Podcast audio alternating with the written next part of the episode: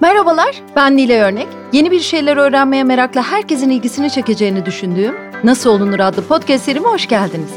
Bu seride mikrofonu mesleklerini ustalıkla icra ettiğini düşündüğüm insanlara yöneltip onlara aynı soruyu soruyorum. Nasıl olunur? Bu bölümde konuğum bir araştırmacı, kuşak araştırmacısı Evrim Kur'an. Hoş geldin Evrim. Merhaba Nilay, hoş bulduk. Şimdi çok güzel bir bölüm olacak. İnanıyorum çünkü kitabı okuyunca öyle bir hisse kapıldım. Ee, bu istediğim yayınlardan biri çünkü gençlere bugünü, zamanı ve geleceği anlamaya çalışıyoruz. Geleceği anlamak için bugünü de iyi görmek gerekiyor ve sen de öyle bir iş yapıyorsun. Ee, buraya bir kitaptan yola çıkarak geldik ilk öncelikle. Z, Bir Kuşağı Anlamak kitabın adı. Mundi yayınlarından çıktı. Çok kolayca okunabilen bir kitap, içi dolu dolu bir kitap.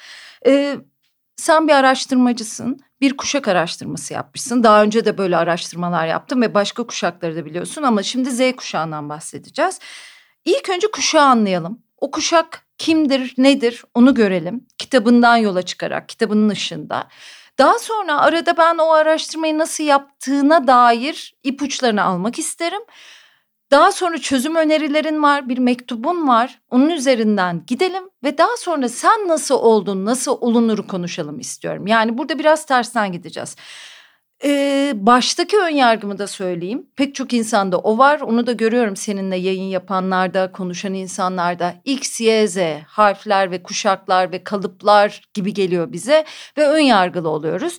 Ee, kitabı görünce de Z1 kuşağı anlamak, bakınca da bir harfler dizisi ve klişeler, standartlar diye düşünebiliriz. Ama kitabı okuyunca anlıyoruz ki daha derin bir şey var. Sen bize biraz anlatsana. Bu kuşaklar X, Y, Z nedir? Nasıl belirlenir? Daha sonra da Z'yi soracağım sana. Tamamdır güzel bir akış ee, ve bu meydan okuyucu soruyla başlamak da benim hoşuma gidiyor açıkçası. Çünkü e, en başta Türkiye'de en e, uzun yıllardır belki de e, kuşak araştırmaları yapan kuşak meselesini Türkiye'de gündeme 20 yıl önce yaklaşık getirmiş biri olarak e, en başta bunun mücadelesini ben veriyorum Nilay. Çünkü bu harflere sıkıştırılabilecek bir sistem değil. Evet. Birinci kitapta özellikle bunu anlatmaya çalıştım. Arkasında yatan unsurlar, neden harfleri kısaltma araçları olarak kullanıyoruz. Ama bu bir segmentasyon aracı. En başta ben bunu söylemek istiyorum. Kuşak, bir kuşağı anlamak, bir dönemi anlamak ve bu dönemi anlamak için aslında bizim çalışmalarımızın temelinde, derininde arketipal bir iletişim kullanıyoruz. Çok jargon kullandığımın farkındayım. Ama ben sana böyle dediğimde aslında kuşakların arketipleri var ve bu arketipler üzerinden sosyolojik analizler yapıyoruz yapıyoruz işimizde dediğimde sende bir karşılığının olması çok zor. Ortalama bir insanda e, çalışma alanı bu olmayan bir insanda karşılığı olması çok zor. O yüzden de en pragmatik şekilde harflerle tanımlanıyor. Ben şuna karşıyım harflerle kısa tanımlar yapılmasına bir taraftan karşıyım ama bir taraftan da insanlara zamanın ruhunu anlayabilmek ve içselleştirebilmek için e, bu bir araç oluyor. Bu bir e, ışık tutuyor. Hı hı. Ve e, ikinci kitabı yazarken en büyük e, meselem de buydu.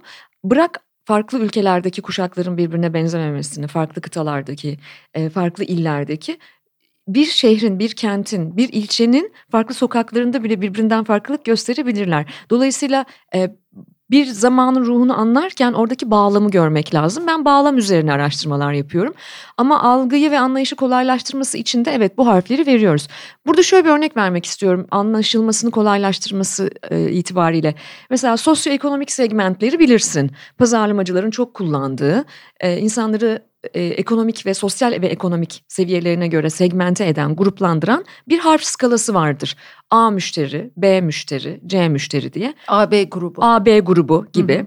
E, şimdi biz mesela otomobil satıyor olsaydık, otomobil üretiyor ve satıyor olsaydık derdik ki bizim otomobilimiz A plus veya A grubu müşteriye hitap eden bir otomobildir.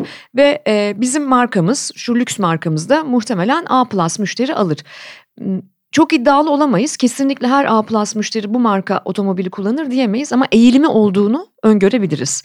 Jenerasyonel sistemlerde böyle çalışıyor. Yani bir kuşağın e, ürünü olan bir kuşağı ve bir dönemi, zamanın bir dönemini yaşamış bir insan belli paternler, belli davranış kalıpları geliştirebilir ve kendisinde başka geleceğe yönelik e, nitelikleri de geliştirmekle yükümlü olabilir. Sadece yapmaya çalıştığımız şey bu.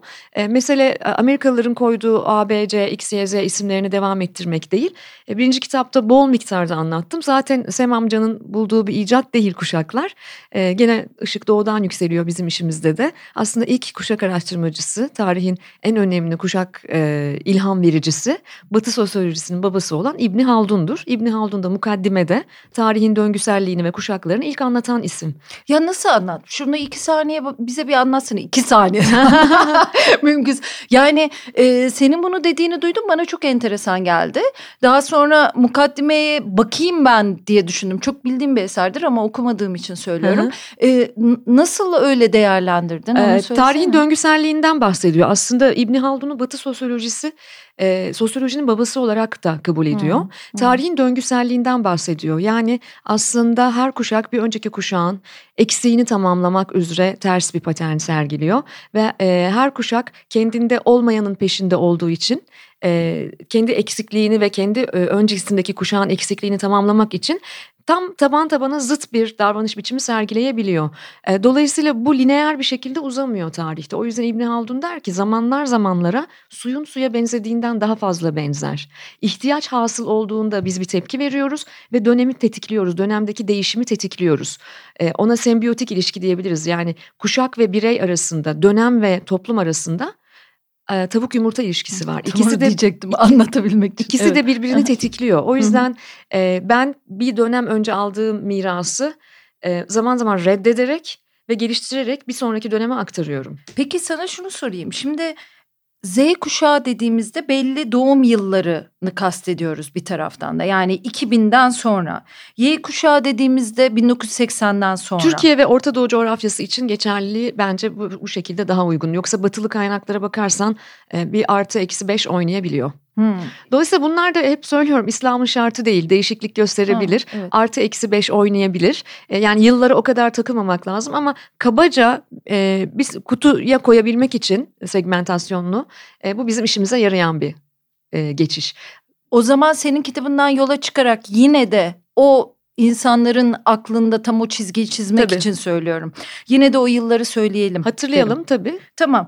Ee, sen bir de fotoğraflarla vermişsin. Evet. Ee, güzel olmuş. Mesela Sessiz Kuşak diyorsun. Müzeyyen Hı. Sener Kuşağı. 1927-1945. Evet. Ee, tabii bu isimleri etkileyen olaylardan da bahsediyorsun. Mesela İkinci Dünya Savaşı, ekonomik buhran, Cumhuriyet dönemi, Sessiz Kuşak için. Ee, BB kuşağı 1946-1964 insan hakları, radyonun hareketleri, altın çağı, ihtilal çok partili dönem. X kuşağı Sertab Erener'le e, vücut bulmuş. E, petrol krizi, 68 kuşağının etkileri, sinema, sol sağ çatışmaları, 1980 darbesi, işte 1965 ile 1979 arası. Y kuşağı hadiseyle fotoğraflandırmışsın. E, 1980-1999, 11 Eylül küresel ısınma, internet, refah ve kriz dönemleri, eğitimde sistem değişiklikleri ve Z kuşağı 2000 sonrası bugünlere kadar gelen dönem. Küresel terör var, bulut teknolojileri, bitcoin var, ekonomik kriz, genç işsizliği, yetenek kıtlığı gibi. Şimdi ben şunu merak ediyorum. Ee, ben mesela Z kuşağı değilim. Z kuşağının doğup büyüdüğü dönemde değilim. Ama bir taraftan da ben de bu dönemden onlar kadar neredeyse etkilendim. Ama doğup büyüdüğümüz dönemime katmamız evet. gerekiyor bu kuşaklar evet, için. Doğup e, büyüdüğün dönem özellikle e, zihinsel olarak geliştiğin dönem e, bebekliğini ve çocukluğunu ve ergenliğini geçirdiğin dönemin etkilerini sen yaşam boyu taşıyorsun. Sen bugün bu çağın göçmenisin. Ama onlar yerlisi yani hmm. bugün bu çağda doğanlar bu, e, bunun bu dönemin yerlisi.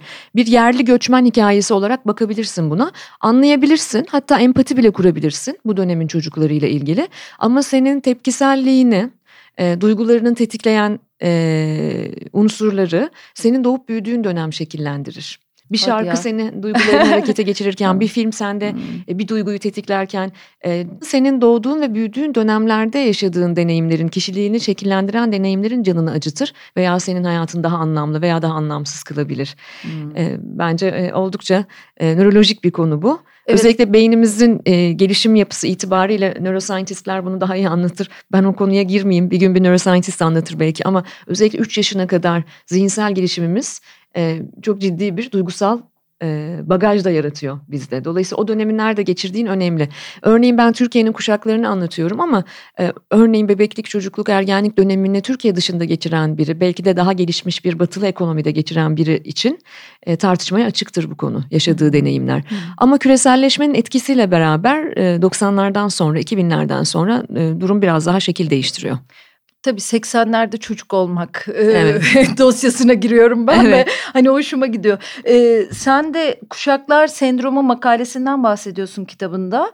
E, Karl Mannheim'ın 1923 yılında yazmış. E, diyor ki e, insanlar ebeveynlerine benzediklerinden daha çok yaşadıkları zamana benzer. Yani bence bu çok güzel bir tespitmiş zaten.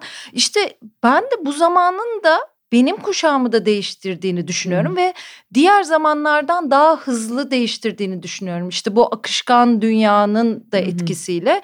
belki onun için öyle sordum. Yani e, bu, bu kitapta e, bir şeyler var ama bir taraftan bizim kuşak da kayıyor. Umarım değiştiriyordur Nilay. Bütün kalbimle yani uzun yıllarını bu işlere vermiş ve hmm. üst kuşaklarla da araştırmalar yapan ve e, çok çeşitli kurumlarda onlarla çalışan biri olarak bence oyuncaklarımızı değiştiriyor. Telefonlarımız daha akıllı hale geliyor. Ama insan e, doğduğu ve ait olduğu bağlamı ve o dönemde öğrendiği değerleri devam ettirmek konusunda hala çok inatçı. Hmm. Ben çok uğraşıyorum tersine belki de ondan. Evet. E, bu senin için çok kişisel bir evet, evet, olabilir, şey olabilir. Hmm. Bir de gazetecisin, sen de bir araştırmacısın günün sonunda e, en hızlı evrilmekle ve adapte olmakla yükümlü olduğun bir meslektesin. Ee, çok okuyan ve çok bilişsel esnekliğini, zihinsel esnekliğini geliştirmek zorunda olduğun bir meslektesin. Bu anlamda istisnai olabilirsin ama ben şunu çok net görüyorum. Ee, büyüdükçe, yaş aldıkça, deneyim ve kartvizitinde daha iyi ünvan kazandıkça e, daha kalıplaşmış düşüncelere ve ön yargılara e, sığınan çok fazla üst kuşak görüyorum. Zaten bu anlamda da e, dinleyenler beni affetsinler şimdiden ama Türkiye'yi e, gençlerini sevmeyen bir genç ülke olarak değerlendiriyorum. Bu yüzden de Türkiye'de gençlerin ve genç olmaya adayların bir türlü dertleri çözülemiyor. Hmm. Sevmiyorlar mı, önemsemiyorlar mı? Ee, Bilmem ikisi de aynı şey gibi geliyor bana. Hayır çok seviyor gibi bir taraftan da görünüyor 19 ama. 19 Mayıs'larda belki hani ya, tabii, bayramlarda. Yani, o, o manada değerlendirirsek hani siyaset ya da görünürlük vesaire ama hep böyle sen çocuksun bir bireylik verememe hani aşırı e, koruyuculuk başka evet. bir şey ama yani, otonom değil bizim gençlerimiz ve bizim bugün en büyük derdimiz Türkiye'nin gençliği ile ilgili yapılan çalışmalarda ki e, Türkiye'de gelmiş geçmiş en kapsamlı gençlik araştırmalarını e, yapan kişi ve grubu temsil ediyorum ben. Ve yıllar içerisinde şunu görüyorum aşırı koruyucu ebeveynlik modeliyle daha az problem çözebilme e, yetkinliği olan, evet. e, daha e, 21. yüzyılın belirsizliklerinde daha çok sancı çekebilecek bir gençlik yetişiyor Türkiye'de. Özellikle yukarı mahallelerde. Ben bu ikinci kitapta arka mahalle ve yukarı mahalle arasındaki farkları da anlatmaya evet, çalıştım. Evet, ona girelim evet. mi biraz? Girebiliriz ee, çünkü tek tip bir tek tip bir evet. gençlik veya tek tip bir ergen e, kuşak modeli olduğunu söylemek mümkün değil. Hı-hı. İstanbul'da 500 adım attığınızda hayatların ne kadar değiştiğini bilecek kadar saha araştırmaları yapıyorum ben. Ee, esasen e, ben kurumlarla, markalarla çalışıyorum. Türkiye'nin ve dünyanın muteber markalarıyla. E, ve yıllardır şunu rahatsızlığını duyuyordum. Biz e, hem yazdığımız ve uğraştığımız stratejilerde, yaptığımız araştırmalarda Türkiye'yi, Türkiye'nin gençliğini, istihdam edilebilir gençlerini, müşteri olabilecek gençlerini e, çok dar kutulara sıkıştırıyoruz. Hangi sektörde çalışırsak çalışalım ve plazaların en üst katlarından görmeye çalışıyoruz onları. Bunun rahatsızlığını duyuyordum. Dolayısıyla bu ikinci kitap e, tam da bu rahatsızlığımın önüne geçmek için e, kurgulanan bir araştırmayla başladı. Gerçekten çok uğraştık, çok zorlandık ve çok çalıştık. Bir ekip işi bu e, günün sonunda.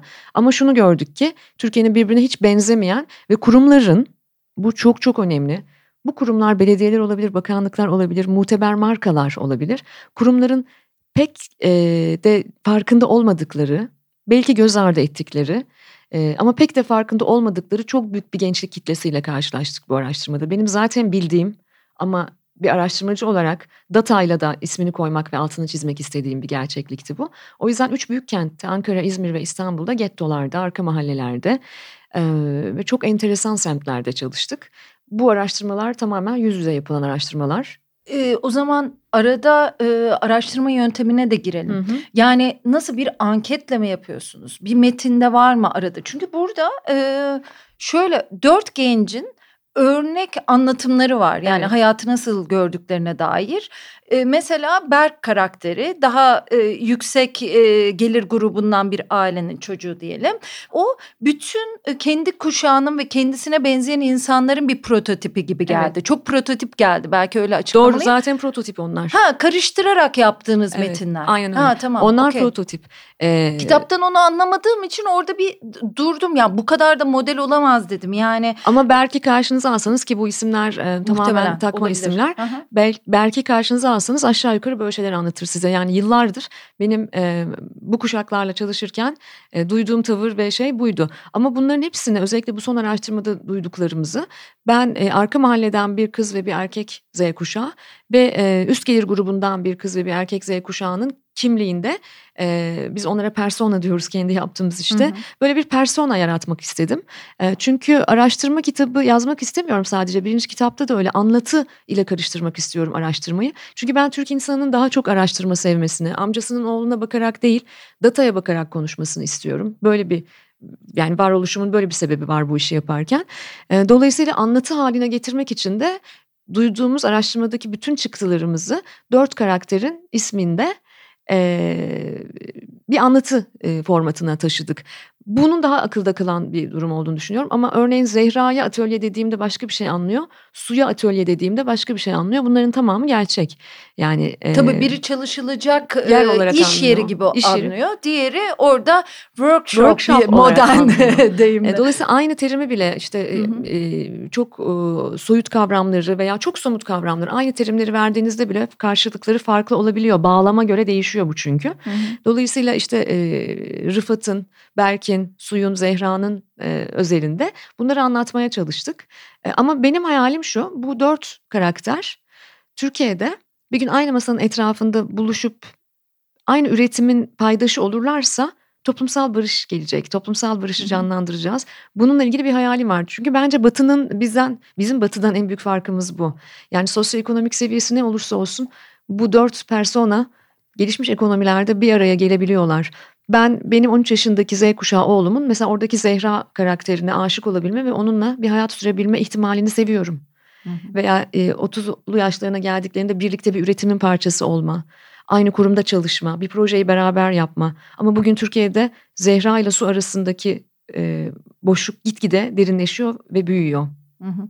E, tabii onun nedenlerini ben e, çok net görebiliyorum evet. diyecektim. Tabii ki böyle bir şey mümkün değil ama e, yani pek çok e, farklı toplumda yani batı doğu diye ayırmayayım ama yani eğitim düzeyi bir yere kadar seni bir yere getirir zaten değil mi? Yani bizler evet. normal okullarda okuduk mesela bizi bir yere kadar getirdi. Evet. Zengini de getirdi, fakiri de orta halliyi de getirdi. Ama şimdi çok uçurumlar arası çok, çok açıldı. Yani ben e, çok şanslı bir kuşağın çocuğuyum ki baktığınızda e, ortalama vasat gelir düzeyi olan bir ailenin e, iyi eğitim almış bir çocuğu olarak hayatımda daha avantajlı hale geçebildim. E, tabii ki bugün Ama o çok zor. Bugün o çok zor yani Hı-hı. ben e, iyi okullarda okudum ve yoksuluyla zenginiyle hep birlikte. Hı-hı. Yani e, Zehra ve Su benim çocukluğumda aynı sınıfta aynı sırada oturabiliyorlardı tabii, yan tabii, yana tabii. ve birlikte eğlenebiliyorlardı.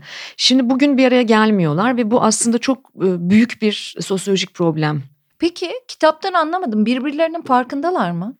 e, birbirlerine karşı e, ne, sarkastikler, e, sarkastikler çünkü alaycılar yani. E, bunu da özellikle e, sosyal medya kanallarını kullanma paternlerinde bir parça hissettirmeye çalıştım ama bu bunu bir geri bildirim olarak alıyorum. E, bu sorunun üzerinde biraz daha çalışılmalı. Belki yeni baskılarda bu, bunlar eklenmeli. Kusura bakma ben böyle hani eksik bildirme şeyinde yayında değil de e, çok zevkle okudum, merakla okudum. Evet. Acaba bu da var mı? Mesela cinsellik konusunda da belki yaşları çok genç olduğu için sorulmamıştır. Belki de çıkan sonuçlar buraya yansıtılmamıştır dedim. Hani geleceğe evet. dair bir takım şeyler var kitapta ama evlilik, cinsellik onu merak ettim ve aynı kuşak aynı Z kuşağı. Ee, sen çok güzel araştırmada dengeyi kurmuşsun. Yani işte daha ekonomik gelir düzeyi yüksek ve e, düşük olan gençleri karşılaştırmışsın. Ama birbirlerine nasıl baktıklarını merak ettim. Yoksa hani evet. çok da güzel bir kitap. Yok bu benim için çok önemli. Yani e, bunları yani her gün editörümle onu konuşuyoruz. Her gün daha dün gece bunu konuşuyorduk. E, aslında biz şunu da eklemeliydik. Bu da olmalıydı Hı-hı. gibi. Gerçekten editörüm de bana şey dedi. Yani her seferinde yeni bir kitap çıkaramayız bu başlık başlıklarla ilgili. Tabii ama, ama o kadar çok e, değinilmesi gereken konu var ki okurdan da benzer yorumlar çok geliyor. Mesela okudukça merak ediyorlar ve bir de şunu sordunuz mu? Bir de bu var mıydı? Şuralara da gittiniz mi? Ben bunların hepsini çok değerli buluyorum. Merak çünkü o o merakı tetiklemek için zaten araştırma yapıyoruz. Birbirleriyle ilgili bu soru çok kıymetli bir soru. Çünkü birbirlerine karşı toleransları ve kabullenişleri nasıl var bu sorunun arkasında?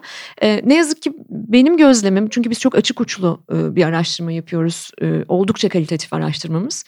Benim gözlemim her iki sınıfın da birbirine karşı daha dominant olmak istemesiyle hmm. ilgili. Örneğin bir TikTokçular, bir Snapchatçiler, Instagramcılar var. Örneğin Twitter'cılar, Snapchatçiler, Instagramcılar TikTokçuları bir hayli alaya alıyor.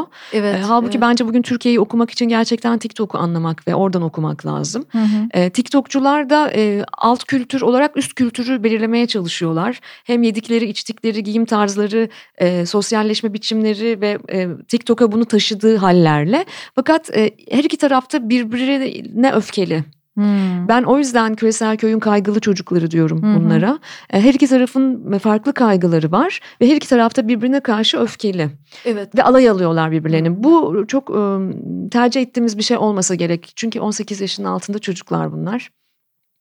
Bir araya gelme ihtimallerini zayıflatıyor bu ben öfkeyi özellikle çizmişim zaten. Evet. Yani böyle pek çok yere öfke yazmışım. Bu arada atlamayalım. Sen o araştırmayı e, nasıl yaptığını yöntem olarak bize anlat isterim. E, çünkü 25 milyon genç var. Yani Z kuşağı, Z kuşağı dediğin 25 milyon evet. Kişi sayısı 25 milyon. Yani Türkiye'nin yüzde kaçı oluyor? 30'u mu? E, yaklaşık yüzde 31'i. Yüzde 31'i.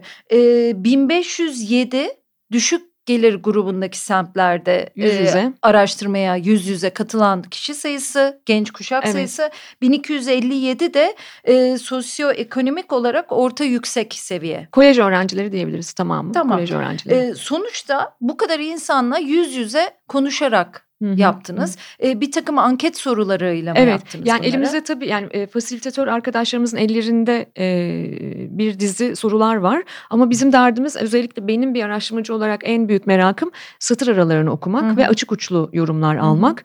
E, o yüzden de kitaba da direkt yansıttığımız sözcük bulutları kullandık mesela. İlk çağrışımları, duyguları, duygu durumları e, hatta özellikle arka mahallelerde yaptığımız çalışmalarda sürekli çalışmaya katılan arkadaşlarım bu arada genç gazeteci, e, gazetecilik eğitimi alan öğrenci arkadaşlarım da var. E, bilindik anketörler kullanmadık. O mahallelere herkes giremezdi. E, girmesi zor mahallelerdi. Sayaç okuyucunun, postacının bile giremediği mahalleler. Ben kendim de zaman zaman sahaya indiğimde tek başıma gezemedim. Bunu söylemek zorundayım. Allah e, Allah. Hmm. Yani e, güvenliğimizi sağlayabilecek yanımızda e, o bölgede kabul gören abilerle gezdik örneğin diyelim. Hmm, bu enteresan. Evet, evet. E, dolayısıyla bu benim için çok enteresan bir deneyimdi. E, zaman zaman da e, kamera arkasının e, kliplerini paylaşıyoruz okurlarla buluştuğumuz zaman. E, belki sonraki baskılarda kamera arkasında çektiğimiz fotoğrafları, o mahallelerin gerçeklerini e, biraz daha belki arkaya kitabın arkasına fotoğraflarla koymak iyi bir fikir olabilir diye düşündüm hatta. QR kodla yaparsınız. QR kodla olsa yaparız. Yeri bir evet, doğru değil mi? Evet. e, bak burada öfkeyi e, birkaç sayfanın üstüne yazmışım. Stres yazmışım. Çok yüksek çok, evet. Çok fazla stresli Ama gördüm. yüksek gelir grubunda daha fazla onu evet. söylemek zorundayım. Evet evet. çünkü onların hayatı daha fazla yapılandırılmaya çalışılıyor. Oysa ki çocukluk yapılandırılmamış saatlerin eğlencesidir. Çocuklar o yüzden çok sıkılıyorlar. Çünkü sürekli sıkıldım diyorlar. Çünkü sürekli yapılandırıyoruz onların saatlerini, programlarını, günlerini. Hmm. E, halbuki yapılandırılmamış saatlerde yaratıcılık gelişir. E, bu da onlarda stres yaratıyor. Yüzde 60'a yakın stres seviyesi var. Bu arada e, biz aynı zamanda Türkiye'nin en kapsamlı Y kuşağı araştırmalarını yapan yapıyız. 83 bin gençle çalıştık bu sene. Hı hı. Bu kitapta yok e, bu araştırmamız. Çok detaylı vermedim onu ama e, bu sene 2019'da 83 bin gençle çalıştık. Onların stres seviyeleri çok daha yüksek. 22 yaş grubu bu. E, üniversite öğrencileri. Çünkü onlar artık istihdam edilememe gerçeğinin bir adım önündeler. E, stres seviyesi yüksek. Uluslararası Gençlik Vakfı e, sağlık başlığı altında dünyanın çok çeşitli ülkelerinde yaklaşık 130 ülkesinde gençlerin, öğrencilerin stres seviyelerini ölçüyor. Biz orada birinciyiz mesela %72 ile. Ne Dünya birincisiyiz. Ya? Şimdi stres ne demek? Hmm, çözülmesi gereken ve çözülemeyen problemler demek. O yüzden biz problem çözme yetilerini de sorduk bu araştırmada. Ee, orada ilginç bir şey karşımıza çıktı. Ee, mesela yukarı mahalle bir problemle karşılaştığında ne yaparsın diye sorduğumuzda mutlaka birbirine e, danışma eğilimi sergiliyor. Yüksek gelir grubu, kolej çocukları. Sınav koçuma giderim, rehberlik servisine giderim, psikoloğuma giderim, anneme giderim, babama giderim. Ama mutlaka bir destek mekanizmasını hemen devreye geçirme ihtiyacı halinde. Kendi çözmeye çalışmadan mı? Evet. Hmm. İkinci bir problemle bir şey karşılaştığımda. Şey Bu rezilyans yani yılmazlığın Hı. gelişmesi önünde büyük bir engel. Hı hı. Burada bir problemimiz var bence. Ee, bunu bir, bir sürü alan uzmanıyla, ergen psikoloğuyla, psikiyatristiyle bir sürü alan uzmanıyla da değerlendirdiğimizde burada bir problemimiz olduğunu görüyoruz. Arka mahalleye gittiğimizde bir problemle karşılaştığında ve bu durum senin canını sıktığında ne yaparsın dediğimizde e, ifademi e, affetsin dinleyici ama birebir kullanacağım dalarım diyor o da. Hmm. E, o, orada da şiddet eğilimi kendini gösteriyor. E, biz halbuki ikisinin ortasında bir problem çözme yetisi hmm. duymak isteriz. 21. yüzyılın en önemli becerisi karmaşık problem çözümü. Hmm. Hangi jenerasyonun olursan ol problem çözme yetinin çok güçlü olması lazım. Ama ikisi de çözemiyor gerçekten dalıyor mu? Acaba ben dalarım e, şiddetinde ve gücünde bir insanım izlenimi mi vermeye Çünkü ayakta kalması acaba? için başka bir çaresi yok. Hmm. Yani şöyle... Bu arada dalıyor bol miktarda. Yani. Çünkü bu semtlerde suç oranı yüksek. Hmm. Birkaç beklemediğim şey var yani burada özellikle. Hı hı.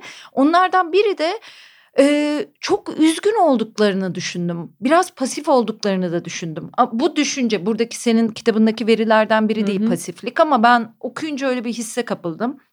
O doğru yanlış sen bize söyle.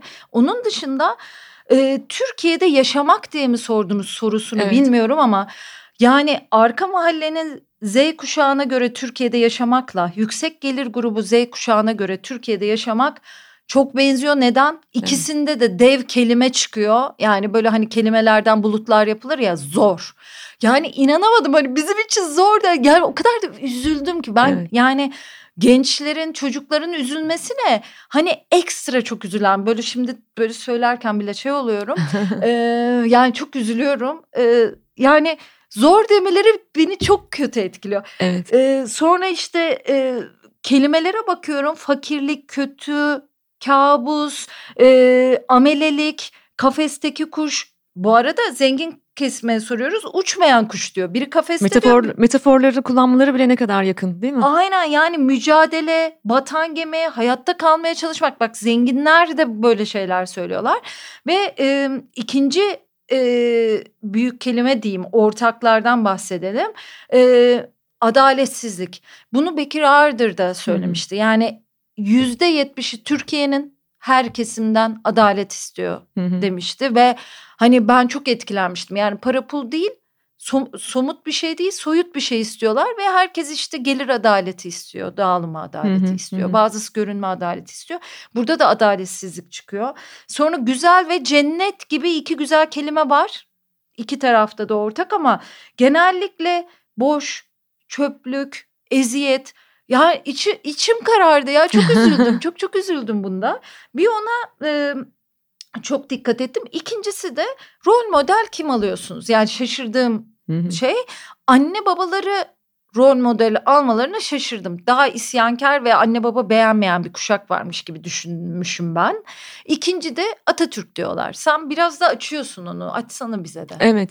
Birinciden başlayalım. Ee, bu alanda araştırma yapmak çok zor ve öyle bir aşamaya geliyorsun ki e, bir profesyonel bir araştırmacı olarak benim de çok e, ağlayarak gözlerim yaşararak hem bir anne hem bir Türkiye Cumhuriyeti vatandaşı olarak Ee, çok gözlerim yaşar, yaşararak datayı okuduğum zamanlar oluyor. Bu da böyleydi. Ve e, kitapta da bir miktar yazdım ama bizim e, İzmir'de arka mahalle araştırma ekibimizde e, bir genç arkadaşımız, genç bir kadın arkadaşımız ağlayarak sahayı terk etti. Yani ben dayanamayacağım daha fazla dedi. Üzüldüğü için Çok mi? üzüldüğü için. Ya. Yani çok zor bir araştırma biçimi bu. Çünkü e, çok enteresan hikayeler anlatıyorlar. Birebir kitaba yansıtamıyoruz bazılarını. Hı hı. E, evet e, az önce okuduğun e, olumsuz ifadeleri biz hani araştırmacı jargonunda negatif konotasyon deriz ve onları ölçeriz. Acaba yüzde kaç e, ça- ilk çağrışım bu ve soruyu tamamen böyle sorduk. Türkiye'de yaşamayı nasıl buluyorsun Hmm. ya da neye benzetirsin? Bir parça metaforlar kullanmalarını cesaretlendiriyoruz. Ee, ve çok yüksek seviyede olumsuz ifadeler, olumsuz seslenişler olduğunu zaten gördük. O yüzden de görseli kitaba birebir koyduk Sözcük Bulutları'nın kitabın e, görselini. Ee, sonra mesela dedin ya cennet, güzel gibi. Aslında vatan cennet vatan da. Hmm. Bak dikkat edersen önceliklendiremiyor orayı. Hmm. Ama öncelikli çözülmesi gereken sorunları var. Bir, yaşantısındaki stres seviyesi e, ve zorluk seviyesi düşürülmeli. Hı hı. İkincisi adil bir e, topluluk, adil bir toplum içerisinde yaşamalı. Hı hı. Yani üniversite sınavına girerken kaygısı var, giremeyenin kaygısı var, iş başvurusu yapanın kaygısı var. E, meritokrasinin yani performansına ve yetkinliklerine, niteliklerine göre değerlendirilmenin artık Türkiye'de hiçbir karşılığı olmadığını düşünüyorum. CV'sini verdiği bir yerde referans arama ihtiyacı var.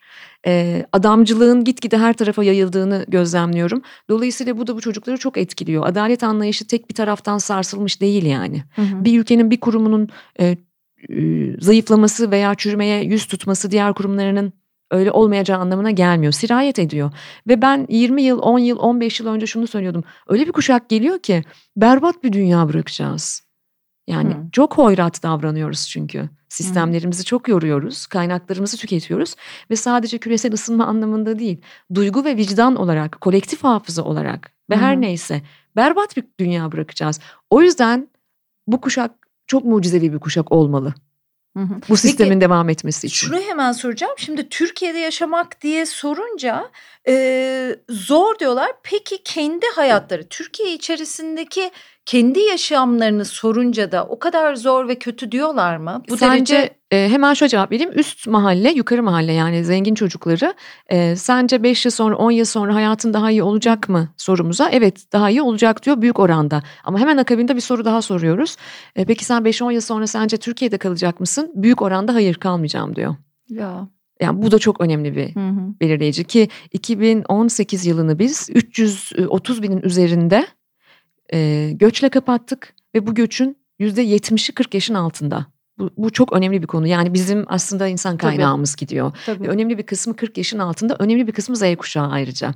Bu arada dinleyenlere söyleyeyim hep kötü şeyler konuşmayacağız. Tespitleri ve durumu konuşalım. Ondan sonra e, benim sevdiğim tarafı bu kadar e, tespit var. Biraz da negatif gibi görünen tespitler ama sonra böyle çözüm önerileri de var kitabın sonunda. Evrimin ya da yani e, bizatihi evrimin değil belki ama yani okumuş Uzmanlığın. yazmışlıkla hani uzmanlıkla başkalarından aldığı öğretiyle bir takım önerileri var. Onları da konuşacağız. Hemen düşmeyin diye söyleyeyim. Yani, Yani- aslında gerçekler e, dostluktandır derim her zaman Nilay ben. Hı hı. bir- önce gerçekleri masaya yatırıp gerçekleri Tabii, konuşursak çok hızlı çözüm önerileri geliştirebiliriz. Aksi halde bir takım e, romantik hüsn Tabii, içerisinde kalabiliriz yani. Yok zaten onları konuşalım. Bu yarıyı yapmamın sebebi şu. Herkes genellikle tespitleri diziyor. Ve e, ve çözümü konuşmuyor. yani çözüm konuşulmuyor. Yani e, benim hoşuma giden şey en azından bir Evet. çözümle bitirilmesi kitabın. Yoksa herkes tespitçi yani. Ondan çok sıkıldığım için bu Maalesef haklısın. şey hoşuma E, gitti. Bu arada atlamayalım. E, anne baba rol modeli olması. Evet, e, Atatürk. Evet rol model çok önemli bir konu çünkü e, bilim bize der ki rol model meselesi kitapta da yazmaya çalıştım. Ergenliğin sonuna kadar e, rol model belirlenmeli ve e, rol modelden alınacak alınmalı ve e, hayatının kalan kısmı böyle tasarlanmalı. Bizde bu biraz uzun sürüyor. O yüzden ergenlik de biraz uzun sürüyor diye Hı hı. düşünüyorum. Aa, ya tarihi figürler rol model alınıyor Türkiye'de gençler tarafından ve ergenler tarafından ya da büyük çapta anne baba. Ama bu sadece bu kuşakta gördüğümüz bir şey değil. Önceki kuşakta Y kuşağında ki onlar da Türkiye'de 27 milyon sayıları.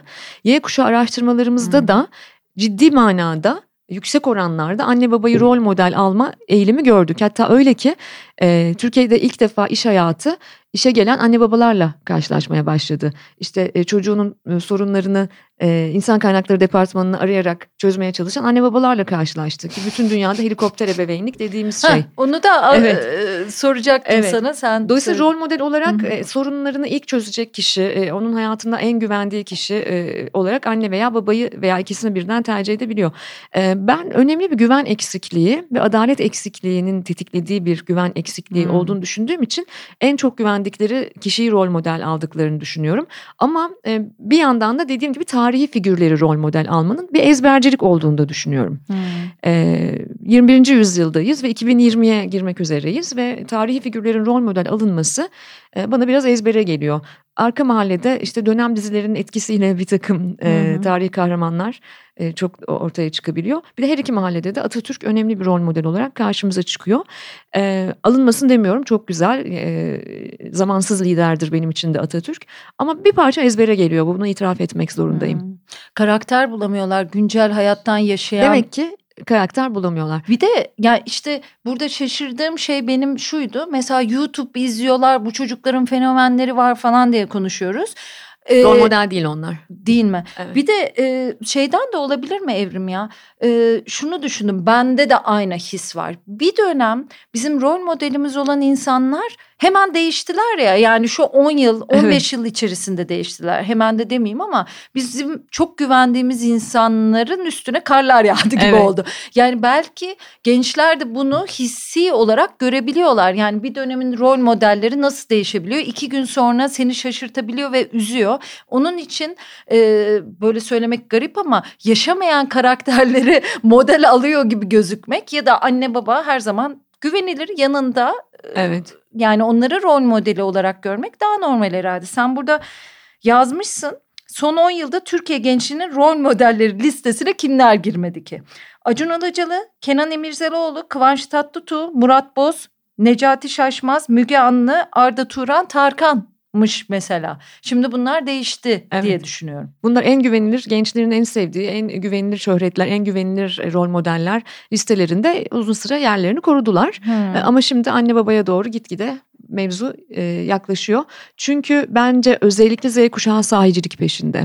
Evet. Sahicilik peşinde. Sahicilik en önemli anahtar kelime. Bizi dinleyen liderler varsa, kural koyucular, marka yöneticileri, stratejistler varsa Naçizane tavsiyem sahicilik üzerine çalışmalıdır. Bu da bizim yayınlarda çıkıyor biliyor musun? Sahicilik kelimesiyle konuşulmasa da e, şimdi Serdar Erener'le yaptığımız bölümde Hı. de e, reklamcılık, ya da şirketler, markalar nereye gidecek gibi bir konuşmanın arkasından daha kendilerini haber unsuru olarak öne çıkartacaklar gibi ben Hı-hı. özetleyeyim bir durum söylerken de bu da kendilerini daha iyi yapmaya yönlendirecek onları. Mesela sen diyorsun ya sahici. Hı hı. E, sahici olup sevilmek kolay değil. Yani sahici e, göründüğün zaman ortaya çıkan şey hiç güzel olmayabilir. Bedeli büyüktür. Evet onun içinde herhalde markalar, insanlar, karakterler kendilerini biraz daha iyileştirmeye e, umarım evet herhalde. böyle yapmak zorundalar. Önemli olan bunun acılı mı olacak, acısız mı? Önemli olan bu. Hmm. Çünkü bahsettiğimiz rakam 25 milyon. Bir de meslek seçimine gelelim. Şimdi meslek seçiminde benim en güldüğüm şey ve çok doğru bulduğum şey. Yani sen tabii o seçilen e, öngörülen meslekleri söyle ama yöneticilik ya. Bayıldım yani. Yukarı ne olmak istiyorsun? Yönetici olmak istiyorum. Evet. Yani böyle bir kalıp esnaf olmak istiyorum der gibi. Yani Yukarı bir, mahalle. Evet şey istiyorlar, ee, ünvan istiyorlar gibi Ebeveynden sanki. görüyor çünkü yukarı hmm. mahallenin çocuğu. Yani ebeveyn de bunu görüyor kolejli çocuklar özel bir şirkette yöneticiyim özel demek şirkette istiyor. Yönetici. Ya şey e, yüksek gelir grubu biraz daha klişe geldi bana. Mühendis, evet. doktor ve mimar olmak onlara, istemek. Onlara ne yaptığımızın kanıtıdır bu da. Bu hmm. ezberci eğitim ve e, tamamen yarışma ve çoktan seçmeli e, ezberciliğe dayanan sınav sistemleriyle onlara ne yaptığımızın kanıtıdır. Velileri de belki şunu söyleyebilirim. Binlerce, e, e milyonlarca lira verdiğimiz e, özel eğitim aldırdığımız çocuklarımız hala 2020'ye girerken biz geleceğin mesleklerini konuşurken hala oldukça klişe. E, çünkü dertleri şu, çünkü işe yerleşmek zorunda. Cumhuriyet tarihinin rekor seviyedeki genç işsizliğindeyiz. 1 milyon 100 bin üniversite mezunu işsizimiz var şu anda. O da haliyle öğretmen veya doktor veya mühendis olmayı tercih edebiliyor. Evet. Senin ona çözümün var. Ona geleceğim. Ee, ama e, diğer meslekleri saymak istiyorum. Bana enteresan lütfen. geldi. Şimdi e, mühendis, doktor ve mimarı söyledim. Yüksek gelir grubu ile ilgili. Hakim, eczacı, pilot, diş hekimi, psikolog, öğretmen, biyolog gibi tercihler var. E, diğer tarafta da arka mahalleye bakıyoruz. Polis bir numara. Daha sonra ganyan bayi sahibi, dövmeci, mafya, şoför, ev kadını, tamirci, esnaf, kuaför, otogalerici, dansçı, imam, torbacı, memur, manken, at yetiştiricisi. Yanıtlar bunlar. Bana çok enteresan geldi. Yöneticilik bu e, yüksek gelir sınıfında çıkıyor. Bunun dışında sense meslek seçiminden çok bir yetenek ve e, yapabilirlik e, üstünde duruyorsun değil evet, mi? Evet. Çözüm önerin o. Evet yani e, geleceğin meslekleri üzerinde çok fazla kafa yormayalım, mesleklere çok takılmayalım da yetkinliklerini geliştirelim. Hangi mahallede olduğu önemli olmaksızın. Bence arka mahalledeki gençler aslında çok renkli bir dünya tasvir ediyorlar farkında mısın? Çok eğlenceli bir kariyer dünyası tasvir ediyorlar. Bana daha eğlenceli geliyor açıkçası onların saydıkları torbacı Macera hariç. perest yani. Daha macera perest, daha e, süreçten keyif alabileceğin. E, demek ki çok zengin bir yetkinlikler seti orada da var. Hı hı. E, Biz belki meslek okullarında, belki e, yetkinlik geliştirme merkezlerinde bu mahallelerde düşünsene bunları e, geliştirdiğimizi ve bunları istihdam ettiğimizi ya da iş kurmalarını sağladığımızı düşünsene. Hı hı. Muhteşem olmaz mı? Tabii ki yani e, şeye şaşırdım ama dijital hiçbirinde çıkmamış. Dijital işler nedir işte e, YouTube'la ilgili bir iş ya da ne bileyim teknik işler falan da görmedim E, yani. çünkü hani. e, yani e, çünkü şu andaki en büyük motivasyonu işsiz kalmamak ve bir yere yerleşmek. Hmm. Yani bir yere yerleşmek, işsiz olmamak kaygısı çok yüksek. Zaten o yüzden stresli, kaygısı, gelecek kaygısı yüksek. Bir taraftan şunu da vurgulamak istiyorum. Böyle televizyon programlarında, yayınlarda falan işte robotlar gelecek, bizi dövecek, geleceğin meslekleri 10 yıl sonra e, robotik bilmem ne mesleği yapacak çocuklar diye konuşuyoruz ya. Bu da fazla romantik geliyor bana. Hmm. Gördüğün gibi araştırma sonucu böyle demiyor. Hı. Yani teknoloji çok gelişmiş olabilir ama biz insan şu anda e, telefonlarımız kadar akıllı değiliz. Başka problemlerimiz var.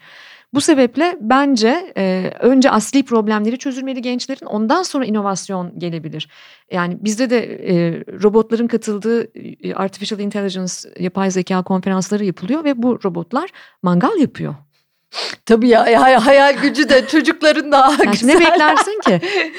Peki sen e, bu arada e, 61 ülkede araştırma yapan bir şirketle çalışıyorsun Ee, değil mi? Aslında şöyle, e, Dinamo benim kendi şirketim. Evet. 14 yaşındayız, 14 yaşına girdik bu sene. E, Dünyanın en büyük gençlik araştırmaları e, grubu yapısı Universum'un Türkiye temsilcisiyiz ve ben Orta Doğu direktörüyüm. Hı hı. Dolayısıyla Türkiye'deki lokal araştırmalarımı kendi şirketim ve kendi araştırma ekibimle yapıyorum. Hı hı. Ama küresel araştırmalarımız ki 1 milyon 1.8 milyon gençle çalışıyoruz her sene. Hı hı. Küresel araştırmalarımızın merkezi Stockholm'da. Universum'un parçasıyız. İş ortağıyız ve bu bölgede e, lokalize edilmesini araştırmaların markalar için yaptığımız veya ülke geneli için yaptığımız araştırmaların yerelleştirilmesini ben ve ekibim yapıyoruz. E, uzun yıllardır yaptığım iş bu. Dolayısıyla kurumlara aslında hizmet veriyoruz. E, Evet. Bu, bunu şunun için de merak ettim. Şimdi yurt dışı verilerinden de haberdarsın. Zaten yaptığın işle ilgili Hı hı. de e, bayağı yakın haberdarsın. Evet. Yani sadece böyle Aa, ben yaptığım işin paralelinde bakayım değil içindesin de. Peki yurt dışından örnekler verebilirsin e, belki bize.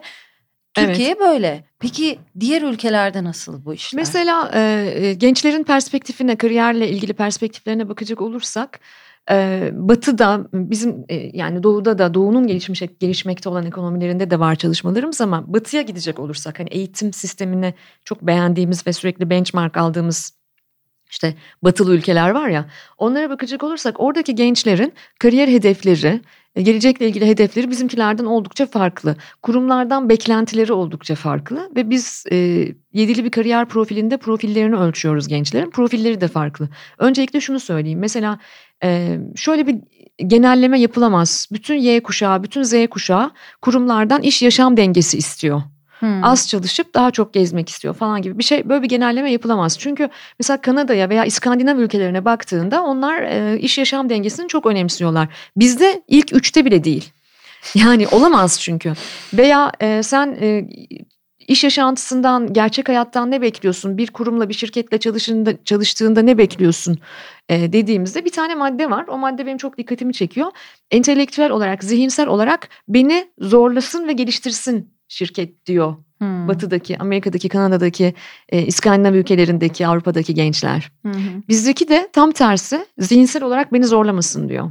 Ya challenge lafını tam evet. çeviremeyiz ya. Evet, Zaten şu oradan zorlanıyorum. Beni challenge etmesin diyor. Ama zihinsel olarak challenge e, edilmek gereği yani zihinsel olarak zorlanmamız hı hı. bilişsel esnekliğimizi geliştiren hı hı. ve bu çağda ayakta kalmamız için en önemli konu. Hı hı. Bizdeki ama o kadar yorgun ki. Hı hı. Bu arada sen çok güzel Türkçe konuşuyorsun. Normalde Kanada'da yaşıyorsun artık. Kanada'da Yarı zamanlı yaşıyorum. burada evet. olmana rağmen ne kadar az İngilizce kelime kullanıyorsun? Ee, ben belki de kendi görmek istediğim araştırmayı yapıyorum. Kendi duymak istediğim biçimde konuşuyorsun. E, izleyiciye seslenmeye çalışıyorum ve e, dinleyiciye burada. Pardon dinleyiciye de burada. Evet. Çok fazla konferans vesaire konuştuğum için ama e, insan sanırım hep e, kaybetme üzere olduğu şeyle yakından karşılaştığında onun kıymetini daha iyi biliyor da hmm. olabilir. Ben filoloğum bir kere ve dil konusunda her zaman çok hassastım ama şu anda e, Türkçe aşığıyım. Yani muhteşem Türkçe dilini kaybetmemesi için 13 yaşında bir çocuk yetiştirmeye çalışıyorum. Özellikle hassas olduğumuz bir konu. Yani evde de arı duru Türkçe konuşmak bizim için çok önemli. Evet o güzel konuşuyor ama Ali bu arada evet. büyük babasının ismini evet, almış o da. Büyük babasının ismi. Ee, Ali e, tabii çok zor bütün gün yani çok az Türkçe konuşulan ortamlarda bulunması hı hı. sebebiyle. E, ama şöyle bir ilişkimiz var. Ali çok okuyor. Tabii ki İngilizce okumayı seviyor ama Türkçe de okumakla yükümlü olduğu diyeyim. Hı hı. E, Türkçe okumalar da yapıyor. Bazen e, Türkçe deyim kullanmaya çalışırken e, kazalar yaptığı oluyor son hmm. dönemlerde özellikle. Yani o idiomatik deyimsel ifadelerde sıkıntı yaşıyor. E, birebir çevirdiği olabiliyor hmm. falan ama e, Türkçesi çok güzel. Çok arı duru bir Türkçesi var. Birkaç dil konuşuyor olmasına rağmen. Oh olsun o kadar ne kadar güzel. Sen Hacettepe Üniversitesi'nde İngiliz Dili ve Edebiyatı evet. okudun. Bu arada ilk kitabım dedin birkaç kere. Telgraftan tablete Evet. Ondan da bahsedelim. Almak isteyenler olabilir. Bu arada sana bir şey soracağım. Hı hı. Arada bu girişleri yaptıktan sonra çok şey merak ediyorum. Kusura bakma böyle araya giriyorum. Ee, Malcolm Gladwell ben de çok severim. Çizginin dışındakiler diye siz kitapta çevirmişsiniz. Outliners. Hı hı. Ee, çok güzel bir kitaptır. Orada e, benim de çok sevdiğim bir bölümdü. Sen de kitabında alıntılamışsın. Ee, dünyanın gelmiş geçmiş en zenginleri listesine bakıldığında 75 kişiden 14'ünün 19. yüzyılın ortalarındaki 9 yılda doğduklarını e, tespit etmiş ve bunu kitabına taşımıştı. Sen de onu tekrar ediyorsun. E, bunun çeşitli nedenleri var. Bu arada e, 1952-1958 yılları arasında doğanlar 70'li yıllardaki bu gelişmeden yararlanıyorlar. Ve Bill Gates, Paul Allen, Bill Joy, Steve Jobs gibi e, isimler hep 1953 ile 1955 yılları arasında doğmuşlar. Şimdi ben böyle bakınca yeniden bunu okuyunca daha doğrusu yani kitabı okuyalı yıllar oldu. Of ya dedim yani biz de öyle bir yıla doğmuşuz ki yani her şey ortaya karışık. Yani evet. sence bizden ya da Z kuşağından e, X, Y, Z hangisinden sence birileri çıkabilir? Şu anda da aslında belki de avantajlar devri bu kadar yenilik Kesinlikle olduğuna göre. öyle. Yani ben e, çok klişe olabilir ama e, Çin atasözü biliyorsun bunu söyler. E, yani e, her krizin her riskin içinde büyük fırsatlar var hmm. diye. Ben her zaman şunu söylüyorum. Mesela mesela Türkiye basit bir istatistik vereyim ve birinci e, anlamıyla dinlersen moralini bozabilecek bir istatistik bu. Ama ben gençlerle çalışırken ikinci anlamına yani satır arasındaki gizli e, fırsatı onları göstermeye çalışırım hep. Mesela Türkiye dünya yetenek kıtlığı e, pazarında dünya altıncısı. Yetenek kıtlığının ne olduğunu söyleyeyim. E, yetenekli insanı arıyor şirketler hı hı. tamam mı? Ve dünyada bu yüzde 45. Yani şirketlerin yüzde 45'i dünyada bir pozisyonu kapatmakta zorlanıyor. Yetenekli gençleri bulmakta hmm, zorlanıyor. Hmm. Ee, Türkiye yüzde 66 ile dünya altıncısı. Yani Türkiye'de 1 milyon üniversite mezunu veriyoruz her sene. 7,5 milyon üniversite öğrencisi var. 4,5 milyonu lisans öğrencisi. Ve 1 milyon 100 binde şu anda üniversite mezunu işsiz var. Hı hı. Ve yüzde 66 yetenek kıtlığı var bu ülkede. Fırsatın farkında mısınız diyorum hı. ben Türkiye'de gençlere. eğer kendinizi inşa ederseniz çağın gerekliliklerine uygun bir biçimde birinin size bir şey yapmasını beklemeden kendinizi inşa ederseniz aslında müthiş bir fırsatla karşı karşıyasınız. %66 size ihtiyaç duyan, yeteneğe ihtiyaç duyan hmm. kurumların olduğu bir yerde babanın sosyoekonomik seviyesinin ne olduğu önemli olmaksızın ve bilginin bu kadar demokratik olduğu bir ortamda, bilgiye erişimin bu kadar demokratik olduğu bir ortamda e, Wikipedia'yı e, şeyde bırakıyorum, parantezin içine koyuyorum onu. Ama e, bu büyük bir fırsat. Ya bu fırsatı değerlendirebilirler. İyimser olmak için önce kötümserlikle bütün dataya bakmak gerekiyor. Hı hı. Ondan sonra oradaki fırsatı görmek gerekiyor. Hı hı. Bu anlamda ben üsttencilikle gençlere gidip ne oturuyorsunuz yerinizde elinizdeki telefonları bırakın kalkın dünya için bir şeyler yapın e, yaklaşımlarını sevmiyorum. Zaten çok da kızıyorlar. Çok Haklı kızıyorlar. olarak işte evet. hani e, bir gazeteci buna benzer bir şey yazdı. Hani kendi imkanlarınızı evet. yaratın Kitapta gibi. da o gazeteciyle ilgili düşüncelerimi yazdım ben. E, hmm. Umarım bana kızmamıştır ama tam o günlerde kitabı e, toparlıyordum. Hmm, Ve ona bir bölüm ayırdım. Bayağı isyan oldu. Ben şimdi evet. hani kötü niyetli olmadığından eminim ama insanları çok iyi anladım ve ben de gençken kendime e, düşündüm. Hani üniversitede gelirlerdi öyle böyle konuşurlardı. Ben bir de çok küçük girmiştim üniversiteye falan. 16'mda girmişim. İşte e, 17'imde çalışmaya başlamışım falan. Böyle dinlerdim böyle büyükler gelirler çok negatif konuşurlar konuştuktan sonra da gençlere yüklenirlerdi. Ben çok sinirlendiğimi hatırlıyorum. Hatta şu anda da çok ünlü olan bir beyefendi dersimize giriyordu. Derste benim çok isyanım meşhurdur. Yani ben bunu hatırladım mesela o olay olduğunda. Evet. Yani e, o amfiden beni o isyanımla hatırlayan insanlar var yani. Hani nasıl dolmuşsam yani hani bizim e, olanaklarımız budur şudur diye bu bu günde insanlar buna isyan ediyor herhalde zaten. Yani sonuçta sonuçta bağlamdan bahsediyorum ya hep. Yani hı hı. E, gerçekten yeterince toprak verimli mi? Yeterince güneş alıyor hı. mu bu ağaç büyüyebilsin, serpilebilsin diye bunlara bakmak lazım. E, ne verdin ki bana ne istiyorsun diye de bakmak lazım. Yani ya ben de... nasıl kaynaklar verdim ki bu çocuklara ne yapsınlar, ne nereye gitsinler? Yani e, bağlam ortada. Bir sürü çözülmesi gereken dertleri var. O yüzden bana acımasızca geliyor. Elinizde telefonunuz oturuyorsunuz, kalkın bir şey yapın ve değer yaratın falan hmm, demek. Hmm. E, önce bakmak, anlamak lazım. Tabii tabii elimizde neler var yapamadık yani hani e, benim şu kadar kariyerim var dersin bu kadar şey öğrendim ben yapamıyorum yani ne yapsın çocuklar. Evet bu kadar yani, kolay değil. E, o yüzden dayanışma gerekiyor. O tabii, yüzden tabii. de e, kuşak çalışmanın belki de benim hayatıma kattığı hmm. en büyük değer, benim için yarattığı en büyük güzellik şu.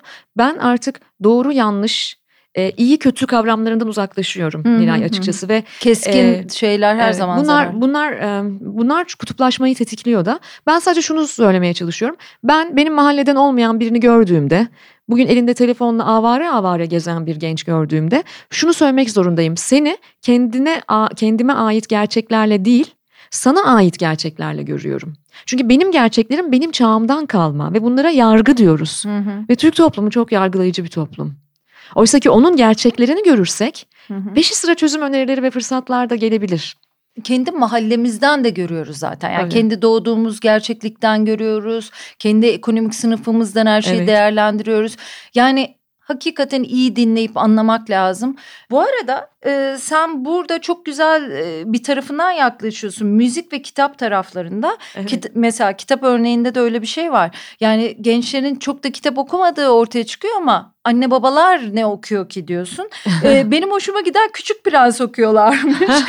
yani e, hoşuma gitti. E, bir de e, Wattpad e, yazarları var işte Büşra Yılmaz. Hani evet. Hani çok görüyoruz. Ben hiç okumadım ama böyle bir bestseller tarafı evet. olduğunu Arka Mahalle'de e, şu an Yıldız. Arka Tabii. Mahallemizin Yıldız Arka Mahalle araştırmalarımızda en çok okunan isimlerden Ekstra biri. merak edip bakacağım. Evet. Yani o çok satarlardan biri hep görüyorum ama e, bu arada yüksek gelir grubuna baktığımızda Kürk Mantolu Madonna mesela var. E, Zweig'ın Satrancı var. Çok evet. da severim ben de. Harari'nin Sapiens'i var. E, Orwell'ın 1984'ü var. Benim ilgimi çekti bu. Kült Ama, kitaplar dikkat edersen. Evet. evet. Bu, bu da biraz kolaycılık mı onu bilemedim ama hepsi de güzel kitaplar olduğu için olur verdim kendimce. Ee, bir etkileşim olabilir. Ee, şu anda bir milyon e, öğretmenimizin yüzde yetmişi yaklaşık Y kuşağı. Hmm. Ve bu kitaplara değer veren, bu kitaplara sahip çıkan bir kuşak. Dolayısıyla e, benim de parçası olduğum yani ikinci kitabımı çıkardığım yayın evi de e, şu anda mesela o kitapları yeniden okurlarla e, yeni tasarımlarıyla önemli bir çoğunu buluşturuyor. Tabii tabii. Bunun tabii. etkisi olabilir diye düşünüyorum. Yani hmm. bunların altı çiziliyor. Ama tabii ki oran çok yüksek değil. E, oranın yüksek olmaması yüzdelerini de verdik orada zaten. Oranın yüksek olmaması da bu kuşak kitap okumuyor diye tanımlanmamalı. Çünkü anne baba evde ne kadar okuyorsa bir bebek evde büyürken ne kadar çok kitap görüyorsa e, o kadar çok okur. Tabii Selçuk Şirin yayınında da bebeklikten itibaren bir kütüphanenin e, okur yazarlığın varlığını konuşmuştuk. E, Arka Mahallede sevilen isimler müzik anlamında Müslüm Gürses, Gazapizm. Önemli bir rap e, sanatçısı ve e, büyük bir etkileyici Arka Mahallede. Ya, çok güzel. Ezel Yıldız Tilbe. Evet. Ee, yüksek gelir grubu Duman, Sezen Aksu, Teoman. Bana çok e, enteresan geldi. İki tarafta da Ezel yüksek. Evet ortak dinleniyor. noktaları Ezel. Ee, hmm. Ama birinin şöyle söyleyebiliriz. Arka mahallenin müzik isyanın dili. Benim için müzik ve spor çok önemli e, kültürel yapıyı anlamakta. E, isyan dili müzik. Arka mahallede isyanın dili rap. Yukarı mahallede isyanın dili rock.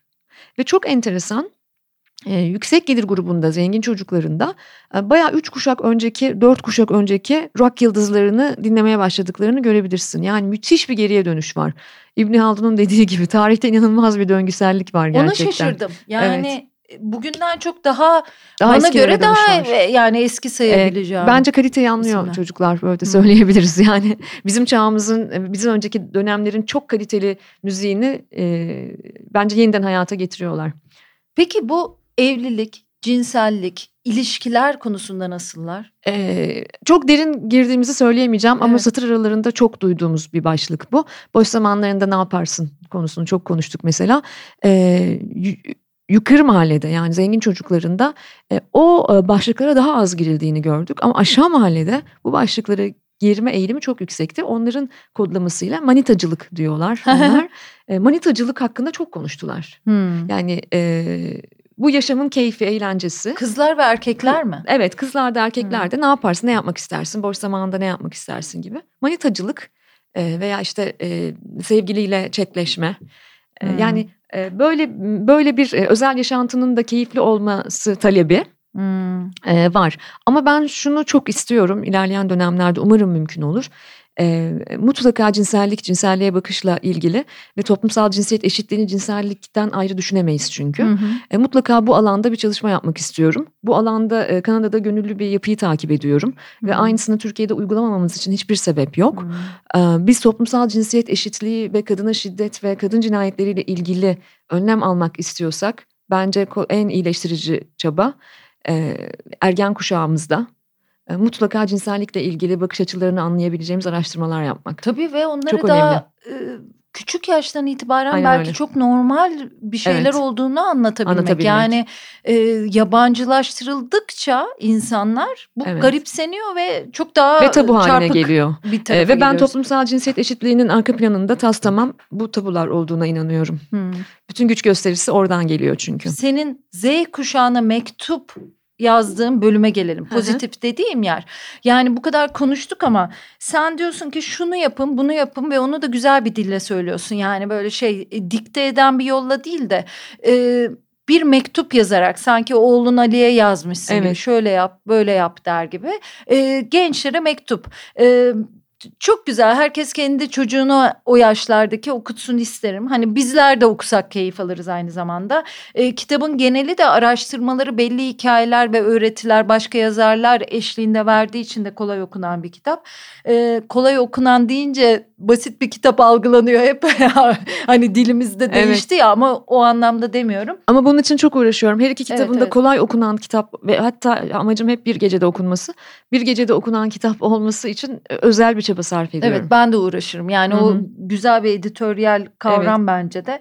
Ee, sen kısacası diyorsun ki sanma ki senin döneminde denk geldiğin zorluklar e, başka dönemlerde yoktu diye başlıyorsun. Evet. Gerçekten de öyle. Yani hani çocuk mevzu konuşulurken ya bu döneme de çocuk getirilir mi derken birisi de der ki hangi dönemde hakikaten de haklılar. Ee, Ikagai'den bahsetmişsin mesela. Ee, Evet, Hazır olmaya bugünden bu. başlamaktan bahsetmişsin. Sen buradaki önerilerini ben tabii böyle madde madde çıkardım. Yani e, nasıl olunur için güzel de örnekler. Ama senin kişisel e, tecrübeni de sormak istediğim için ben kısa keseceğim. Ama e, müsveddeye önem vermek, hikayeleri önemsemek, sahici olmak gibi e, senin önerilerin var diyeyim. Hı hı. Sen kendin o öneri paketini yapsana bize. Evrim. Evet aslında e, Z kuşağına mektup sanırım benim 44 yaşındayım ve e, benim e, hayatta kalma, ayakta kalma, girişimcilik ve kariyer hikayelerimden damıttıklarım zannedersem. Hı hı. Ve bir araştırmacı olarak bunlar olsa bu çocuklar bunlarla desteklense sanki daha iyi olur deme içgüdümden kaynaklandı o bölüm. Çok zor bir iş yapıyorsun çünkü araştırmacılık var. Zaten Türkiye'de Bekir Bey'le de konuştuk. Araştırmacılık mevzu garip ve derin bir kuyu. Yani iyi yapan var, kötü evet. yapan var, savsaklayan var. Sen e, genç bir kadın girişimcisin aynı zamanda. Yani e, bütün kuşaklardan son bölümle ilgili inanılmaz mesajlar alıyorum. Ben özellikle çocuklar, gençler bu bölümü okusun diye onlar için yazdım. Sözüm sana Z kuşağı diye bitirmek istedim bu kitabı. Ama çok farklı kuşaklardan, deneyimlilerden, e, daha yaşlılardan e, bu bölüm bizim için de çok kıymetli diye yorumlar alıyorum. Bu çok güzel. Demek ki kuşaklar ötesi bir takım e, içgörüler var orada. Bu benim kendi hayatımdan damıttıklarım aslında ve araştırmaya baktığım zaman bende işe yarayanın kuşaklar ötesi işe yarayacak unsurlar olması. Ben bir girişimciyim bir araştırma ve danışmanlık şirketim var ve Türkiye'de girişimcilerin sırtını sıvazlamadıkları bir gerçek. Türkiye'de kadın girişimcilerin sırtını sıvazlamadıkları baş, bambaşka bir gerçek ve e, Türkiye'nin aslında araştırmaya ve dataya bakarak e, gerçeğe ulaşmak sevdalısı bir ülke olmadığı da bir gerçek. Yani benim bu işi yapmamam için sana onlarca sebep sayabilirim hı hı. ve bu işi yapmaya koyulduğum zaman cebimde beş kuruş para olmaması yanı sıra e, eksi bakiyelerde olmam da e, belki bir başka gerçek. Ne iş yapıyordun o işe başladığında? Benim enteresan bir kariyer hayatım ve hikayem var. Belki ilerleyen dönemlerde bir kitapta bunun için yazabiliriz diye dün genel yayın yönetmenimle konuşuyorduk. Ama öncesindeki dönemde uzun bir süre satış ve pazarlama e, alanında çalıştım. Yöneticilik yaptım e, bir kurumda e, ve B2B bir iş yaptığım için bütün endüstrilerle, bütün sektörlerle çalışıyordum. E, ve fakat çok mutsuzdum. Çok ama çok mutsuzdum. E, çünkü kendimi gerçekleştiremediğimi düşünüyordum. Bir yandan da kuşaklarla ilgili akademik çalışmalar yapmaya devam ediyordum. Araştırıyordum, okuyordum, yazıyordum, çiziyordum falan. E, ve sonra dedim ki ben sadece bu işi yapmalıyım. Kaç yaşındasın bunu dediğin ah, zaman? 2001'den beri kuşak çalışıyorum. 2000-2001'lerden beri ve 2000 yani şirketimizi kurduğumuzda 2006 yılında ilk defa şirketi kurduk. Hı hı ilk e, adımımızı attık. E, eşim aynı zamanda ortağım benim. E, ona çok Tam da çocuğunla aynı dönem evet, gibi. Evet yani bir yandan çocuk Aliyle. büyüdü, bir yandan şirket büyüdü. E, ama bu benim için gerçek anlamda bir işti. Yani hani ben arada çocuğa bakarım, arada da işte bu işte de iş çıktıkça giderim falan değil. E, bu işi gerçekten çok ciddiye aldım ve hiç kimse bana destek olmadı. E, hiç kimse akademik dünyadan tutun da iş dünyasına kadar bu konuyu ilk başta anlamadılar. Ama ben hiç pes etmedim. Çünkü bu işe aşkla bağlıydım. E, dolayısıyla Ikigai'den bahsetme sebebim de bu. Seni sabah kaldıran şeyin çalar saatin olmaması lazım. Seni hayat amacın sabah uyandırmalı. Para benim için her zaman hayatın ikinci yani iş yaşamın ikinci amacı. Birincisi ulvi amaç. Ulvi amacını bulursan para zaten ar ardı sıra bir biçimde seninle buluşacaktır en azından ihtiyacın olan kadar para. Hı hı. E, o yüzden ben gençlere bunu çok söylemek istiyorum. Çünkü Türkiye'de yaptığımız profil analizlerinde e, kariyer ve paraya olması gerekenden gerekenden çok daha fazla önem verdiklerini görüyoruz. Dediğim gibi bu sene 83 bin gençle bu araştırmayı yaptık. Olması gerekenden daha fazla önem verdikleri ortaya çıkıyor. Ben buna önem vermedim. Kart vizitlere, sembollere. E, statü gerginliğim hiç olmadı. E, o yüzden e, sabah seni uyandıracak şeyin o ulvi amaç olması gerektiğine çok inanıyorum. Ve hangi dönemi yaşarsak yaşayalım ki 1940'larda, 50'lerde, 60'larda da çok dezavantajlı bir Türkiye vardı ve bir dünya da vardı aslında. Ama hangi dönemi yaşarsak yaşayalım bence yaptığımız işi en iyi yapan kişi olmalıyız. Ben de gençliğimde kendime bu vizyonu koymuştum ve şöyle demiştim bir gün Türkiye'de kuşaklar dendiğinde ilk akla gelen isim olacağım. Ama şunu demedim bu işten çok para kazanacağım. bu işin ünlüsü olacağım değil. Ama bu işte sözü en çok dinlenen kişi olacağım. Bunun için de çok çalıştım. Çok çalışmaktan başka hiçbir formül bilmiyorum. O yüzden gençlere tavsiyem 7 kere düşebilirsiniz ama 8 kere kalkmayı bilmeniz gerekiyor. Yılmazlık bu itibarla son derece önemli. Ee, hayatın deneyimlerini yaşamaya izin vermek, hata yapmaya izin vermek kendine. O yüzden ee, başarısızlık diye bir şey olduğuna inanmıyorum. Geri bildirim diye bir şey olduğuna hmm. inanıyorum. Ee, özellikle Sözüm Sana Z kuşağı bölümünde bunları anlatmak istedim gençlere. Ee, ve hayatın e, iliğine kemiğine içinde olmaları gerektiğini gerektiklerini düşünüyorum. Sokağa tanımaları gerektiğini düşünüyorum genç arkadaşlarımın. Yönetici olmak isteyen genç arkadaşlarıma sesleniyorum. Plazalardaki hayat her zaman gerçek hayat olmayabilir. Benim hemen tüm müşterilerim orada ama birlikte sokağa inmeyi öğrenmemiz lazım. Hı hı. Ee, bunlar önemli. Herkes girişimci olmak zorunda değil. Herkes üniversite okumak zorunda değil. Herkes diğerlerinin yaptığı yoldan gitmek zorunda değil. Ben kendime bir kariyer inşa ettim.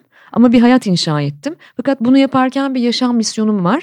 Türkiye'nin gençlerinin istihdam edilebilirliğini artırmak ve daha fazla anlaşılabilmelerini ve sevilebilmelerini sağlamak. Bu beni ayakta tutuyor ve çok çalışıyorum ve çok ülkede geziyorum ve e, bazen işim e, çocuğumun da önüne geçebiliyor zaman zaman e, benden aldığı zaman itibariyle ama bu misyon beni ayakta tutuyor. Bu bence son derece önemli.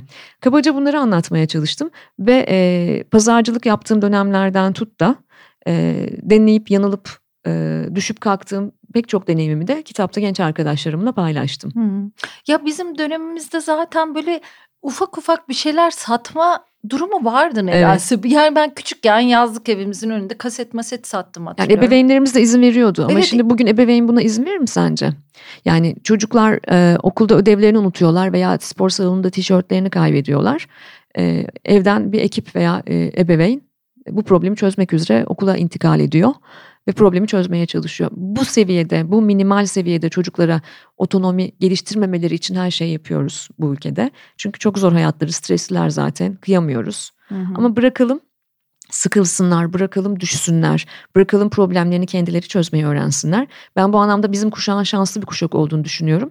Anneme ve babama beni pamuklara sarmadıkları için e, ve bana pazarcılık, antikacılık, sigortacılık yapmama izin verdikleri için çoğu zaman karın tokluğuna çalışmama izin verdikleri için ee, çok minnettarım, teşekkür ediyorum. Bugün girişimciliğimin en önemli şeyi bu. O mirası oradan aldım yani. Sen Ankaralı mısın? Ankaralıyım. Annem baban ne iş yapardı? Ee, babam emekli müfettiş, ilk öğretim müfettişi. Annem emekli öğretmen. Aa, ikisi evet, de. ikisi de emekli Eğitim. eğitimciler. Hmm. Ee, ve e, evet bana alan açtılar bu çok net. Hmm. Çünkü bana verebilecekleri daha, bırakabilecekleri daha iyi bir miras yoktu. Hmm. Ee, ve ben müteşekkirim ikisine de bu kadar yılmaz olduğum için. Çünkü bugün 14 yıldır sahibi olduğum şirketim bugün dezavantajlı bir durum yaşarsa ve yarın sabah daha zor bir güne uyanırsam ve limon satmam gerekirse hemen en yakındaki pazarda en iyi limonu satacağıma çok eminim. Bir de o yılmazlık e, olarak çevirdiğin kelime aslında bir takım esnekliği de Aynen öyle. Bambu İçeriyor. ağacı gibi olmak der evet, Alper bambu. Hasanoğlu ona. Bambu ağacı gibi olmak yani çok esnek ama gövdesi de çok güçlü. Hı hı, hı. Ee, hacı yatmaz gibi olmak da derler ama Türkiye'de hacı yatmaz Türkçe'de biraz daha farklı kullanılıyor. Hı hı. Ee, yani düşeceğiz elbette ama kalkacağız da. Ee, dizlerimiz de kanayacak. Ee, bu da güzeldir. Ee, Mevlana'nın dediği gibi aslında yara da alacağız, kırıklarımız da olacak ama onlar ışığın içeri sızdığı yerler. Hı hı. Ay çok güzel. Peki eşinin etkisi nasıl? Bu senin çalışma temponda? Ee, Nasıl iş bölümü yapıyorsunuz? Mesela bir aydır yaklaşık Türkiye'deyim. Çocuğumuza o bakıyor Kanada'da. Dönüşümlü olarak yaşıyoruz çünkü eşim tamamen farklı bir alanda danışmanlık yapıyor ve onun da bu bölgede ve Türkiye'de olması gerektiği zamanlar oluyor. Zaman zaman Türkiye'de o varken ben Kanada'ya dönüyorum. İyi bir paydaş. Ben en önemlisi şu. Ee, biz evli değildik işimiz birlikte iş yapmaya karar verdiğimizde birlikte bir şirket kurmaya karar verdiğimizde ee, ama benim kendimi gerçekleştirmeme alan açması ve bana bu özgürlüğü vermesi hayatımda aldığım en değerli armağan. Bu benim için çok kıymetli. O olmasa bunu yapamazdım. Hı hı. Ee, ve aynı zamanda iş ortağım. Sadece hayat ortağım değil son e, 16 senedir de. Buradaki rolü bu ve birbirimizin önüne geçmeye çalışmadığımız ve rekabet etmediğimiz bir yaşantımız olduğunu düşünüyorum. Ve birlikte bir insan yetiştiriyoruz. Hı hı. Bu da bence çok kıymetli. Ben onun üretimine, o da benim üretimime gölge etmiyor. Bence bunlar da çok kıymetli. Evlilik taraftarı biri değilim. Beni takip edenler bilirler bu konuda sık sık yazar çizerim de. Evliliğin 21. yüzyıla uygun olmayan bir kurum olduğunu düşünüyorum. Ama adı evlilikse veya değilse de partnerlerin birbirlerine alan açmalarının önemine çok inanıyorum. Hı hı. E, Halil Cibran'ın evlilik üzerine yazdığı sözlerde dediği gibi birbirinizin gölgesinde büyüyemezsiniz. Ben bu anlamda şanslı biriyim. Aa, çok güzel özetledin. Peki nasıl bitirelim Evrim? e, zor zamanlardan geçiyor olabiliriz ve belki de daha zor zamanlardan geldik ama belki daha zor zamanlara doğru gideceğiz. Belki bir yedi kere daha düşeceğiz 2020'de ama bu hayatı iliğine kemiğine yaşayabilmemiz için bütün fırsatlar elimizde. Ve hayat gerçekten çok güzel ve gençlere hep söylediğim şey şu genç olmak harika bir şey ve kıymetini bilin. Her şeye rağmen tadını çıkarmaya çalışın. E, çünkü ışık oradan sızacak içimize. Yara aldığınızda da utanmayın, çekinmeyin. Yaralanmaya açık olun demek istiyorum ben Türkiye'nin gençlerine. Şahane. Şahane bitirdin Evrim ama ben de bir şey söylemek istiyorum. Sen kitapta birkaç defa Aziz Nesin'den bahsetmişsin. Ee, bugün çekim yaptığımız gün çok tesadüf. Onun doğum günü aynı zamanda ama bir önceki hafta onun doğum gününe dair böyle bağışçılarla birlikte Nesin Vakfı'na bir yemek yapıldı. Orada vakfın nasıl bir yer olduğuna dair bir video var. İşte gençler konuşuyorlar nasıl yetiştiler orada. Orada büyümüş bir beyefendi şöyle bir şey söyledi. Nesin Vakfı olağanüstü çocuklar yetiştirmez ama olağanüstü iyi çocuklar yetiştirmeye uğraşır diye. O kadar hoşuma gitti ki Evrim. Yani gerçekten senin kitabında da ya da yazdıklarında da onu alıyorum. Yani mükemmel olması gerekmiyor herkesin ama iyi insan olmak zaten iyi bir şeyler yapmaya çalışmak belki de bir adım diye düşündüm. Senin kitabında da Aziz evet. Nesin e, şimdiki çocuklar harika evet. çok alıntılanmış olduğu için de benim, onu da söyleyeyim istedim. Teşekkür ederim bu hatırlatma için. Benim e, e, bu çalışmaları yapmamda e, duygusal e, valizlerimde e, ki bulunan şeylerden bir Aziz Nesin'in şimdiki çocuklar harikası hı hı. beni e, bu alanlarda düşünmeye en çok iten ilk eser belki o. Aynı zamanda bir Nesin Vakfı destekçisiyim. Ee, ve bunu çok yakından tanığım olağanüstü iyi çocuklar yetiştirdiklerine mevzunun başarılı olmak değil mevzunun mutlu olmak da değil mevzunun iyi olmak ve bu, bu dünya için kendin için değer yaratmak olduğunu çok iyi algılayabiliyorum orada. Ee, ve daha nesiller boyunca Aziz dedenin orada torunlarının büyümesini çok e, önemsiyorum ve hayal ediyorum. O yüzden bu kitabımda da yer vermek istedim Aziz dedeye. Doğum günü kutlu olsun. Hep yaşıyor bence. Ya şahane oldu ya. Nasıl bitirelim deyip bir şey ekledim ama güzel oldu. Aziz Nesin de bitsin bu programda. Evet. Çok sağ ol Evrim. Ben çok teşekkür ederim. Benim için çok büyük bir keyifti. Benim için de öyle. İyi ki geldin.